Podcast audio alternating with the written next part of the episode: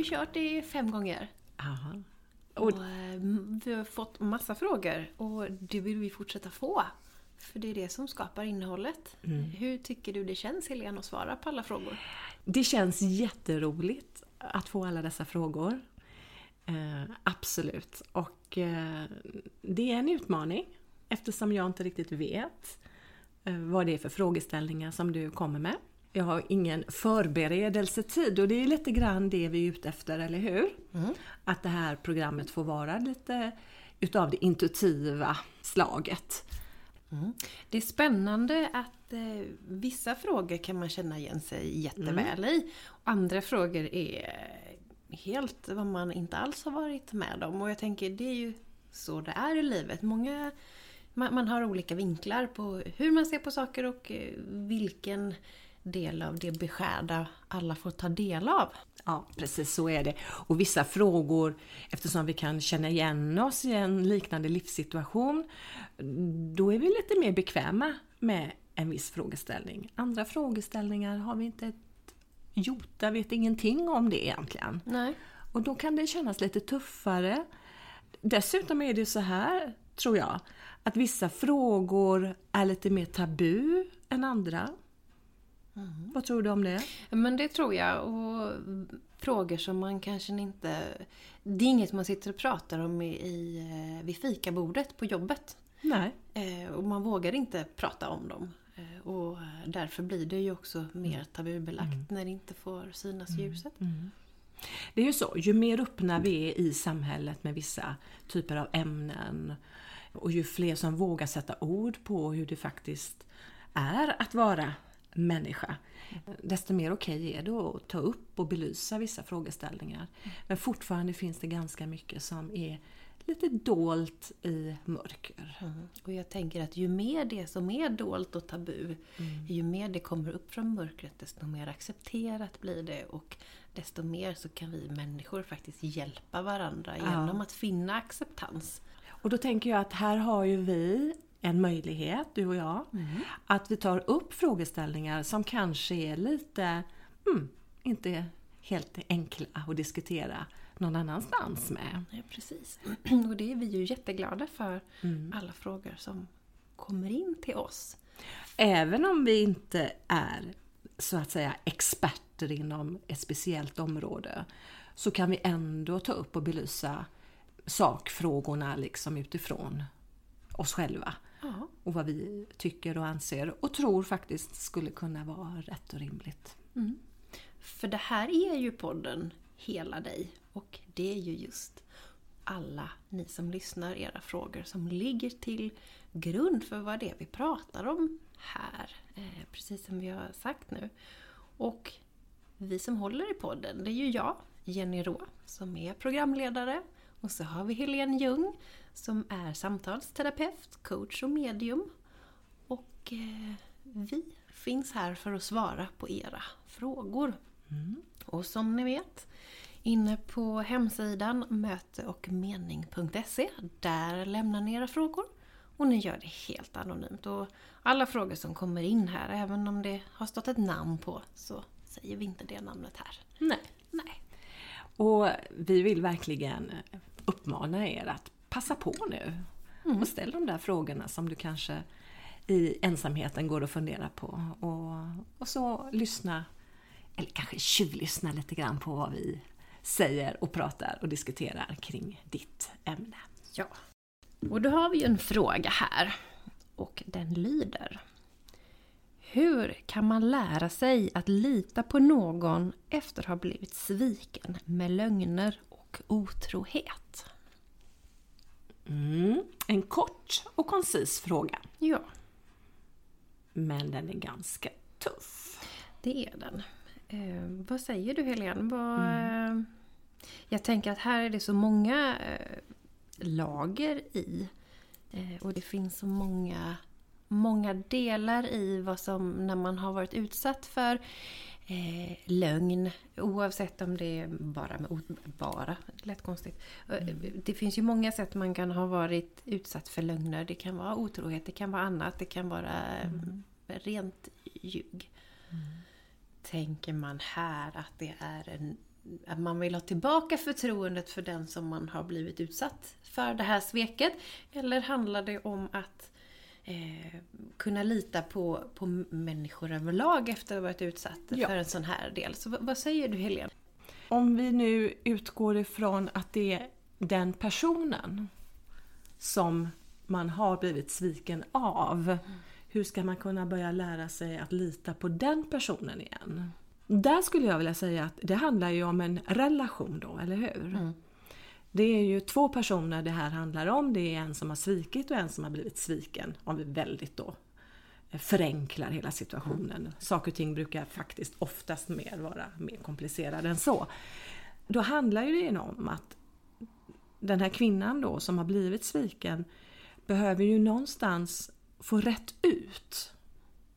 Det är ett moment som jag tror är viktigt här. Har det varit i en relation där hon har blivit bedragen helt enkelt så behöver hon ju reda ut, hon behöver ju få klarhet i vad var det som hände? Vad är sanningen? Och det kan hon bara få av den personen som har svikit henne, eller hur? Mm. Så det behövs då ett samarbete om hon ska kunna lita på den personen igen. Om det samarbetet inte finns, alltså att hon får svar på sina frågor av vederbörande, ja men då, då är det stor risk för att hon kan inte lita på den personen igen. De får ingen möjlighet att jobba sig igenom det som har hänt. Mm. Om det kommer ett par till mig där det har förekommit otrohet så behöver man absolut eh, bearbeta och det behöver ställas frågor, det behöver redas ut, det behöver förtydligas. Ja, det behöver ju att den här mannen då, säger vi nu då, för att förenkla, det vet vi inte, men den här mannen behöver ju någonstans förklara vad var det som hände och varför hände det som hände och varför ljög han och så vidare. och så vidare. Mm. Därefter så skulle man kunna säga att när det är tillräckligt genomarbetat så kommer man till en annan fas då handlar det mer om förståelsen. Att det här hände, jag vet vad det var som hände och sen behöver man någonstans förstå varför hände det. Mm. Och där behöver även den här kvinnan se sin egen del i det som hände. Även om det inte är hon som står för otroheten här så är hon ändå en komponent i en relation, eller hur? Mm. Hon kanske har tillåtit saker och ting hon kanske har blundat för vissa saker. Hon kanske inte har tagit itu med vissa saker och så vidare. Det kan vara ganska komplext. Mm. Och det handlar ju heller inte om att lägga skuld på någon i, när vi säger att man har ansvar för sin egen del. Utan Nej, det är alls. ju verkligen för att se Ja, it takes two to tango. Ja, så är det. Så även om man har blivit drabbad av någonting eh, orättvist och någonting som en otrohet, det är inte okej okay, naturligtvis. Nej. Eh, har man gått in i ett monogamt förhållande så att säga och har, kanske är gifta och har familj och sådana saker och, och det här förekommer så är det inte okej. Okay, absolut inte. Men för att kunna lita på den personen igen så behöver man gå igenom och jobba sig igenom det här. Det är ingenting man kan och ska sopa under mattan. För där växer det bara till en slags varbuld som kommer att ge uttryck på andra sätt och visar sig på andra sätt i relationen. Mm. Det är ingen helt ovanlig eh, situation faktiskt att par är med om en sån här händelse, att det har skett en otrohet men vi sopar under mattan, vi tar inte upp det, vi låtsas som ingenting har hänt ungefär. Mm. Och försöker verkligen, för att de vill och längtar och önskar att de ska kunna leva precis som, som om det inte hade hänt. Men det går inte. För det är ju lite tabu att prata om också, precis som vi började här i inledningen. Men då är ju detta det vi har pratat om nu, det är mm. ju också då när man är i en relation och då har en mm. eh, förhoppning av att kunna bevara relationen. Det är då man verkligen behöver eh, reda ut, komma fram till vad som har mm. hänt, få veta eh, varför och mm. vad man själv hade för del i det. Om man nu känner att man har inte fått man har inte fått den svaren. Det här kanske var en relation som, som tog slut. Eh, man, man, fick inte svar på de frågor man, man behövde. Mm. Man känner sig allmänt bränd på, på mm. livet i stort. Och har jättesvårt att lita på, på någon annan. Ja. Vad jobbar man med då? För det första är det ju jättevanligt att det är så. Många relationer tar slut utifrån sådana här besvikelser, otrohet, att man har blivit sviken, ljugen till, lurad. Och relationen tar slut. Mm. Ehm, man blir bränd och man har svårt sen att kanske gå vidare. Vågar jag gå in i kärleken igen? Vågar jag lita på en man eller en kvinna igen? Det finns människor som aldrig går in i en kärleksrelation igen. Och det är väl synd. Det är jättesynd. Ja, verkligen. Jag tror att om jag inte kan bearbeta det här tillsammans med min partner, alltså den som jag var med om det här med. Kan jag inte bearbeta det med honom eller henne så behöver jag bearbeta det här för mig själv. Jag behöver också, återigen, eh, gå igenom vad var det som hände? Hur kändes det? Vara i kontakt med mina känslor. Det här är en sorg. Mm. En stor sorg, en hjärtesorg är det vi pratar om. Mm. Och det finns inga genvägar ut ur detta. Utan det är genom hjärtat och då menar jag att bearbeta sig känslomässigt igenom sådana här processer. Det är att vara ledsen, att vara förbannad, att vara rädd, att tillåta sig att vara ängslig för framtiden. Möta kanske en ensamhet som jag inte är van vid att möta. Och det är inte bara det att jag kanske lever för mig själv, rent bokstavligen ensam. Utan det kan vara att jag känner mig ensam mitt ibland andra människor. Mm. Och du vet ju hur det är, Jenny. Att ha lämnat en relation mm. och så går man in i den här singellivet. Det är också en, en typ av ensamhet som är väldigt speciell. Mm. Där man känner sig nästan som femte hjulet. Eller hur? Mm. Det kommer jag ihåg i varje fall. Absolut, ja, men det är ju det. Man har inte det där goda... Alltså, det de allra flesta längtar efter. Mm. Att få dela mm. med någon. Mm. Eh, ha ett liv där man känner sig behövd. Mm. Eh, och där man får, eh, ja, men får... Jag tror att alla mår bra av att få och att få visa kärlek. Mm. På vilket plan det än är. Och eh, har man blivit sviken med lögner så är det inte enkelt. Nej, det är det verkligen inte. Men det går. Ja. Och man brukar säga så här, och jag tänker ju närmare man har någon i sin relation, alltså ju, ju närmare en relation är mig hjärtemässigt, alltså känslomässigt, desto mer sårad kan jag bli. Mm. Ju mer jag öppnar mitt hjärta helt enkelt, desto mer ont gör det när eller om jag blir sårad helt enkelt. Så det betyder att om jag har det finns en stor kärlek, att det finns mycket känslor, ja då gör det mycket, mycket ondare helt enkelt. Om det skulle hända någonting utav det här slaget. Ja, och just det här med öppet hjärta, det, det är ju någonting man behöver ha. Mm. För annars så kan man ju heller inte älska på riktigt. Eh, för att då skyddar man ju sig för att man mm. är rädd mm. att bli sårad igen. Eh, och man vill inte vara med om det, därför så stänger man ner och blockerar. Mm. Så det är mycket mod mm.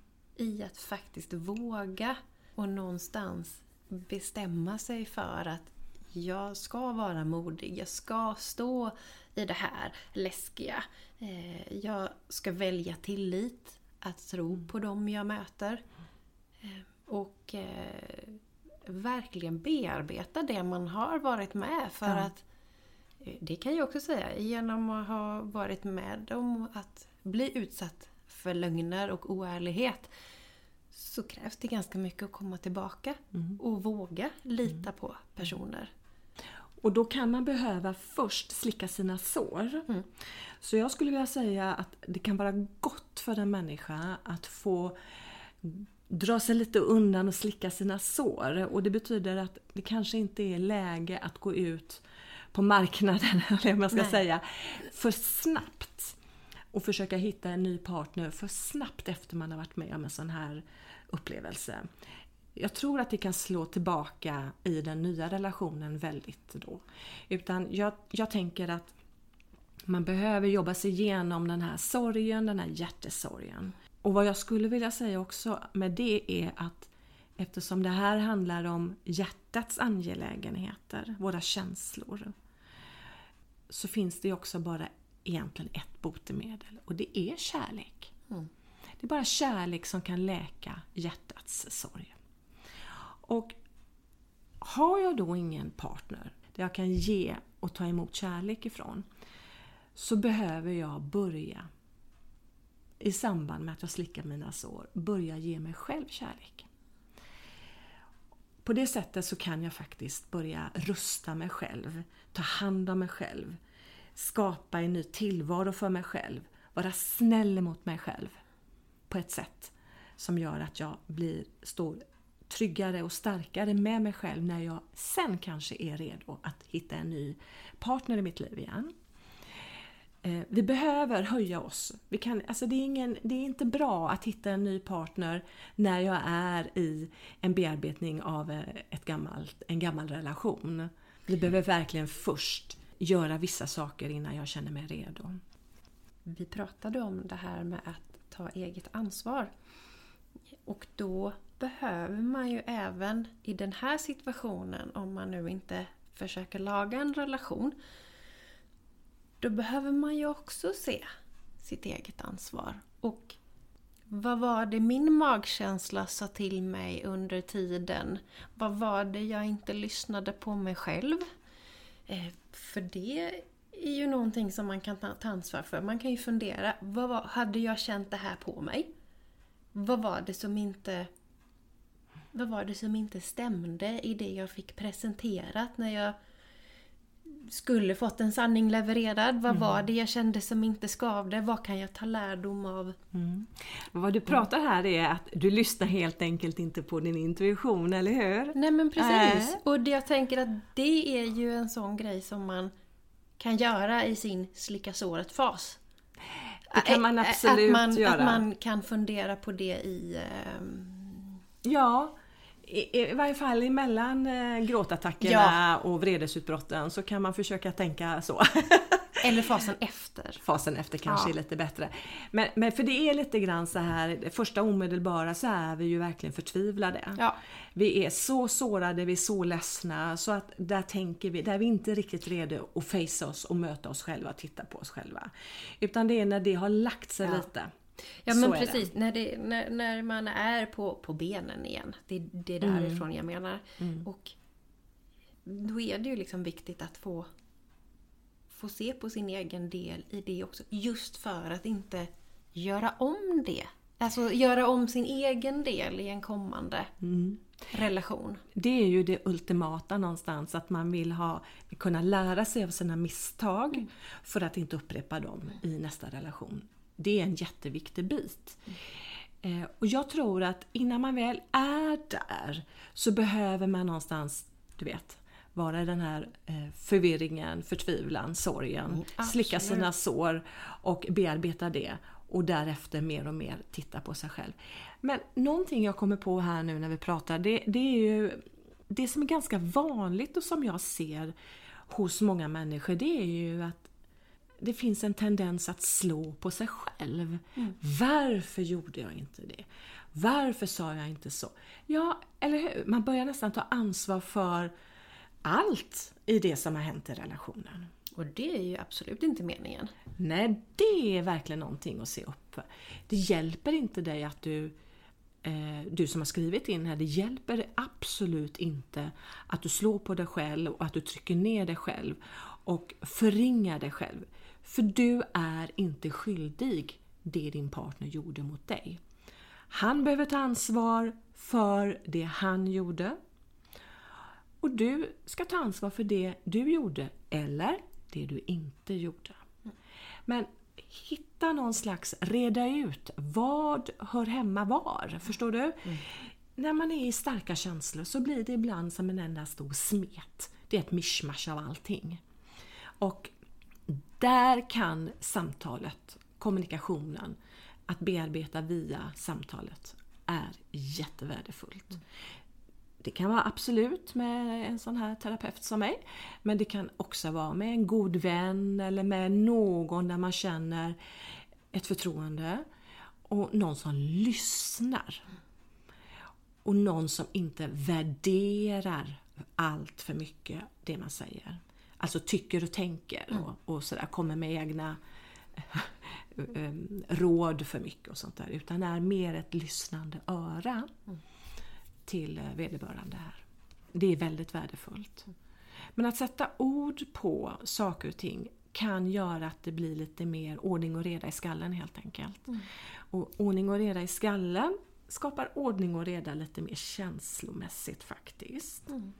Så är det. Och tillåta sig att känna det som känns. Så eh, både att få vara helt hopplöst ledsen ja. men faktiskt tillåta sig för de gångerna man faktiskt är glad mm. under den perioden mm. också. Mm. Eh, att det kan man vara det med. Men just känna det som känns. Mm. Och inte och, värdera det heller. Nej, för att det finns många tabubelagda känslor som kan komma upp till ytan i den här typen av livssituation. Det kan vara ilska och vrede naturligtvis. Det säger sig självt. Mm. Men det kan också vara hämndlystnad. Mm är också en känsla som absolut kan infinna sig. Det kan vara avsky. Det kan vara ånger. Att man ångrar sig. Man vill på alla sätt göra det bra igen fastän man rent förståndsmässigt förstår att det är inte så bra för mig att gå tillbaka till någon. Va? Mm. Så att det finns mycket känslor som kan blomma upp här. Svartsjuka, kanske på en ny partner som har kommit in i, i här i situationen också och så vidare. Det kan vara mycket eh, som man rent förnuftsmässigt tycker det är inte okej att jag känner så och så känner jag så ändå. Mm. Förstår du? Mm. Och istället för att streta emot de känslorna som egentligen bara skapar ångest då mm. och blir ännu värre. Så om man om, någonstans kan ändå säga det är okej, okay, jag får lov att känna så här. Så länge man ju inte gör handling av sina känslor, om man vill hämnas. Det ska man inte nej. alltid göra. Men nej. känna får man göra. Känna får man göra. Och nu är du inne på också någonting väldigt viktigt. Just det här att för att jag känner någonting betyder inte att jag agerar utifrån känslan. Mm. Det är en del, där går det väldigt fort att man agerar nästan och så tänker man efter efteråt. Men men att känna känslan betyder inte att jag måste bli ett offer för den genom att jag agerar eller handlar på den. Jag reagerar så starkt så att jag agerar. Att jag utför en handling utifrån känslan. Det är ju impulskontroll, eh, men det är också ett sätt att kunna hantera känslor. En del människor behöver lite träning i det. Att mm. kunna vara en känsla utan att gå lös på inredningen kanske. Säg nu att det är vrede då. Och hämndlystnad, nej men det är inte så himla bra att agera på den. Men man får lov att känna den. Det är helt okej. Okay. Mm. Så är det. Ja, men då har vi ju ändå pratat om att om man är i en relation och man har för avsikt att eh, försöka behålla den relationen så behöver man man behöver få svar på sina frågor och man behöver reda ut situationen. Är det så att det inte är möjligt att reda ut den för partnern eh, finns inte längre eh, kvar i relationen. Då behöver man ta hand om sig själv, dels läka sina sår och man behöver eh, bearbeta det man har eh, varit med om. Ja, man behöver slicka såren och, och eh, hela den här biten. Men mm. om man nu har gjort det mm. Och liksom man känner att ja, men, nu har det gått en tid. Jag står här och jag borde vara klar. Mm. Och, eh, hur, men hur ska jag göra då för att ta steget och våga träffa någon ja. annan? Ja. Hur ska man våga det efter att ha varit med om att bli sviken? Alltså det här är ju väldigt individuellt tänker jag. Olika människor tar olika tid på sig för att bli redo igen. Och det enda jag kan säga där, det är att om du gör den här första biten hyfsat bra ungefär, att det får gå i varje fall e- e- en tid. Eh, och jag vill inte säga hur lång tid för det är väldigt individuellt. Ja, väldigt. Och från relation till relation. Ja, absolut. Från relation till relation. Eh, och vem man är själv också som Mm. person, eller hur? Men när man känner att man börjar få en liten längtan. Den här längtan i hjärta och kropp. Eh, där den börjar infinna sig att man faktiskt mm, skulle vilja träffa någon. Skulle vilja liksom, du vet. Man börjar längta efter tvåsamheten på ett eller annat sätt. Ja, närheten, någon att ha nära, någon att dela sin, sin, sitt liv med helt enkelt på, på vad det nu innebär för varje person. Då är det väl dags, tänker jag, att börja så smått. Kanske börja dejta eller göra sig redo för att träffa någon ny person. Det är ju så att det kommer vara jätteläskigt. Kan jag verkligen lita på den här personen? Eh, Kommer jag vara med om samma saker igen? Och jag tänker så här. Ju mer trygg du är med dig själv när du börjar gå ut och träffa nya potentiella partners, desto större chans är det att du faktiskt träffar en god partner. Ju sämre du mår, mm, kanske det inte är läge. Vi har en tendens att dra till oss nämligen människor som bekräftar det vi själva känner och upplever och tycker om oss själva. Så att vi behöver må så bra vi kan. Och jag menar inte att man behöver må toppen toppen. Det kan vara svårt att göra det. Utan det gör man allt eftersom. Men, men att man åtminstone är ganska, känner sig ganska okej och trygg med sig själv där man är. Då kan det vara läge att börja. Och någonstans så får man räkna lite grann med att om du har tittat på dig själv, om du är medveten om vad du inte ska upprepa för misstag så att säga, eller misstag och misstag, men erfarenheter från din tidigare relation. Du ska inte ta med dig det in. Om du är medveten om det så kommer du vara lite mer, kanske lite försiktigare än vad du var förra gången. Du kanske är lite mer nyfiken på din partner än vad du var förra gången.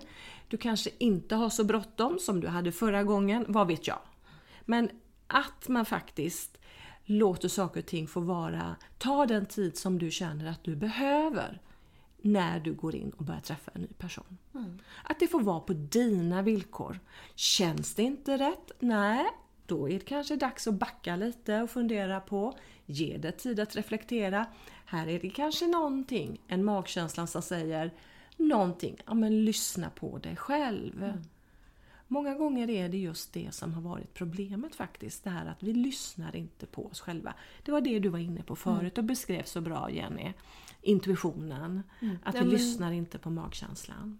Hela tiden finns det ju subtila nyanser runt omkring oss som vi uppfattar men vi väldigt ofta väljer att slå dövöra till att nej men det var bara inbildning. Mm, det är jättevanligt. Vet. Och eh, bara att genom lyssna på de här Mm. gångerna Tänk vad det skulle bli bättre för oss om vi lyssnade på magkänslan lite mer oftare istället för att koppla in hjärnan. Nej, för, alltså, hjärnan den är programmerad mycket utifrån vad jag har lärt mig från min uppväxt och vad jag har lärt mig och vad andra tycker och tänker. Alltså samhället, vi är en, ändå en, en produkt utav den. Så, så att visst, vi behöver ha med magkänslan såväl som förnuftet naturligt, men också känslan. Har vi en balans mellan dessa tre, förnuft, intuition och känsla, så brukar det bli bra. Men det är ju så att med en ny partner så kommer vi att triggas. Med nya problem. Ja, och du kommer att få möta dina rädslor utifrån din senaste relation. Så om det är så att det finns tillitsproblem i grunden här som har nu då aktualiserats genom den här otroheten. Då kanske det är så att den här tilliten till den nya partnern, mm, den är inte sådär glasklar med en gång utan det får vara en person som verkligen visar att han förtjänar tillit.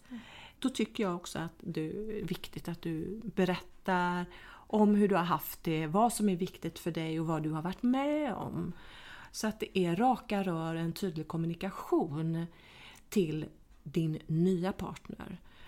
Och uppleva då att det finns en förståelse och en respekt för vad du har varit med om. Då finns det också goda möjligheter att man inte går in och trampar på varandras sårbarheter. Så en bättre, tydligare och ärligare dialog mellan dig och den nya partnern kommer att kunna göra att du blir också läkt mm.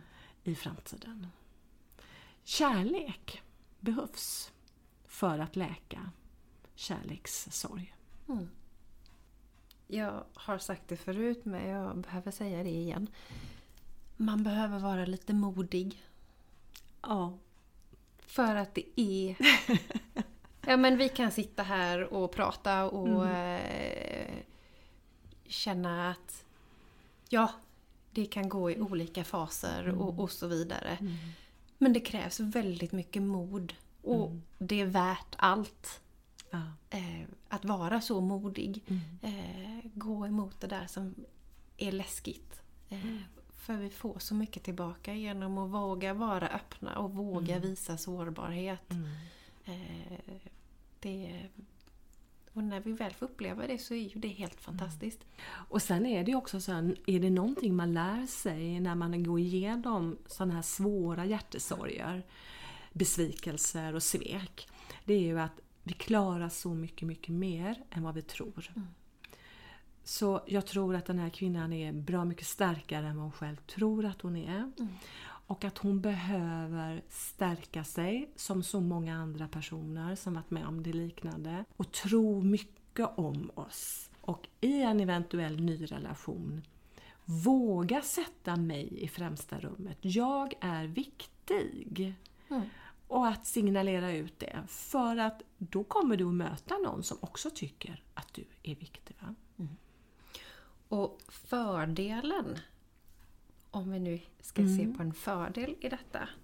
Eh, det är ju att man faktiskt blir allergisk mot vissa av de här dumheterna man har blivit utsatt för. Ah. Vilket gör att man kommer reagera yes. på dem tidigare och där också sätta gränser tidigare. Mm. I den bästa världar, när du är medveten så blir det så. Ja. Och den allergin, den är ju till för att skydda dig. Ja. Så att du kommer naturligtvis, du får snabba reaktioner. Så förmodligen kommer den här kvinnan direkt reagera när hon märker att här var det en lugn. Och det är inte okej. Okay. Och det är inte okej. Okay. Och det är inte okej, okay, inte ens första gången. Nej. Nej. Och jag tänker att den här kvinnan är medveten eftersom hon har skrivit in till oss. Mm. Ja, det, hon, hon, förstår ju det, att det behövs tillit. Jag menar, alltså att inte ha tillit i en relation, då är det inte ens en relation. Nej. Skulle jag vilja säga. Nej, och jag håller med. Mm, så är det. Mm. Så, mm, lycka till! Och självklart kommer du uppleva kärlek och tillit igen. Om du vill och vågar. Och då har vi gått igenom veckans fråga. Och eh, jag tänker Helene, har du någon andlig karamell att bjuda på som vi ska fundera på till nästa vecka? Söta goda karameller att suga på. ja. Ja, nej, men jag känner det alltså. Det, det, det touchade alldeles nyss här. Det, det är ju faktiskt det här med kärlek kärlek är den bästa medicinen för kroppen och för vårt själsliga liv. Det är bara så. Och kärlek, det är en gåva. Och jag tycker det är en gudomlig gåva. En himmelsk gåva. Sänd från himlen ner till jorden genom människor. Fantastiskt. Så att det är så att vi tar emot den här kärleken. Det finns ju ingenting, det, det är ju en, en väldigt hög fantastisk energi, kärlek. Och när vi tar emot den så förändras så mycket. Är vi fyllda av kärlek så ser vi på livet och människorna med, med acceptans och förståelse och medkänsla. Och, mm, helt underbart, eller hur? Mm, verkligen. Och är vi inte fyllda med kärlek, ja, då ser vi på samma saker och samma människor med en liten annan blick. Mm. Så det är en stor skillnad. Och ju mer vi fyller oss med kärlek, desto friskare håller vi oss. Så är det. Mm. Ju bättre mår vi och ju roligare är livet. Och ju mer meningsfullhet känner vi. Sen betyder det någonstans att livet är ingen räkmacka. Det, det, är inte bara att sätta oss i båten och flytta omkring och tro att allting är fantastiskt bra. Utan saker och ting händer och det blir guppigt ibland på den här båtturen, eller hur? Verkligen. Ja. Och, och, vi behöver någonstans, så som jag ser det, uppenbarligen så måste vi ibland möta det som är mörkret inom oss. Och det är de negativa känslorna. I form av sorg, och hopplöshet, maktlöshet och så vidare. Jag tror någonstans att det är lite grann av det här, det här yin och yang. Vi behöver mörkret för att kunna uppskatta ljuset och se ljuset. För är allting bara ljust så vet vi ingenting om mörkret och är allting bara mörker så... Förstår du? Mm. Utan vi behöver bägge delarna. Balans. Den berömda balansen. Den berömda balansen. Och så är det faktiskt. Ett gott liv, det är att vi accepterar oss själva fullt ut. Och säger ja till kärleken. Att medvetet också välja kärleken in i, i våra liv, det kan vi göra. Det är ett jättebra sätt att hålla bitterheten borta. Det är att medvetet välja kärlekens väg. Mm. Och det kan vara in i det lilla, det kan vara små, små eh, saker som, som vi förgyller vårt liv och oss, oss själva med. Men icke att förringa. Kärleken är verkligen absolut det som kan läka. Och det vi behöver. Och det är det vi känner så starkt när vi har en god relation eller en kärleksrelation. Det är ju då kärleken väcks i oss. Mm. Och vi speglar den genom ja. en annan människa. Så det är fantastiskt. Så att, att medvetet verkligen jobba på kärleken och reflektera lite grann, tänker jag. Vad betyder kärleken för mig? Det skulle jag vilja utmana lyssnarna till att ta en stund och fundera på. Vad är det som är kärlek i mitt liv just nu? Och hur skulle jag kunna få mer utav den varan, så att säga? Få Mm. mer kärlek in i mitt liv. Jag kanske kan få det genom att justera tider, välja vissa att umgås med mer människor som ger mig, där jag känner kärlek och så vidare. Alltså att söka kärleken medvetet. På det sätt som känns bra. Det skulle jag önska. Och det låter helt underbart. Då eh, tänker jag att vi tar med oss det till nästa vecka. Mm. Och ja, vi tar gärna emot era frågor så glöm inte Ja. att eh, skicka in dem till oss. Nej. Och du kan fråga precis egentligen om vad som helst. Ja, Och vi svarar så gott vi kan utifrån den kunskap vi har, så att säga. ja. Ja. ja. Men då säger vi tack för idag. ja. Tack så mycket. Jätteroligt. Det var jätteroligt. Ja. Vi hörs. Hej hej. hej.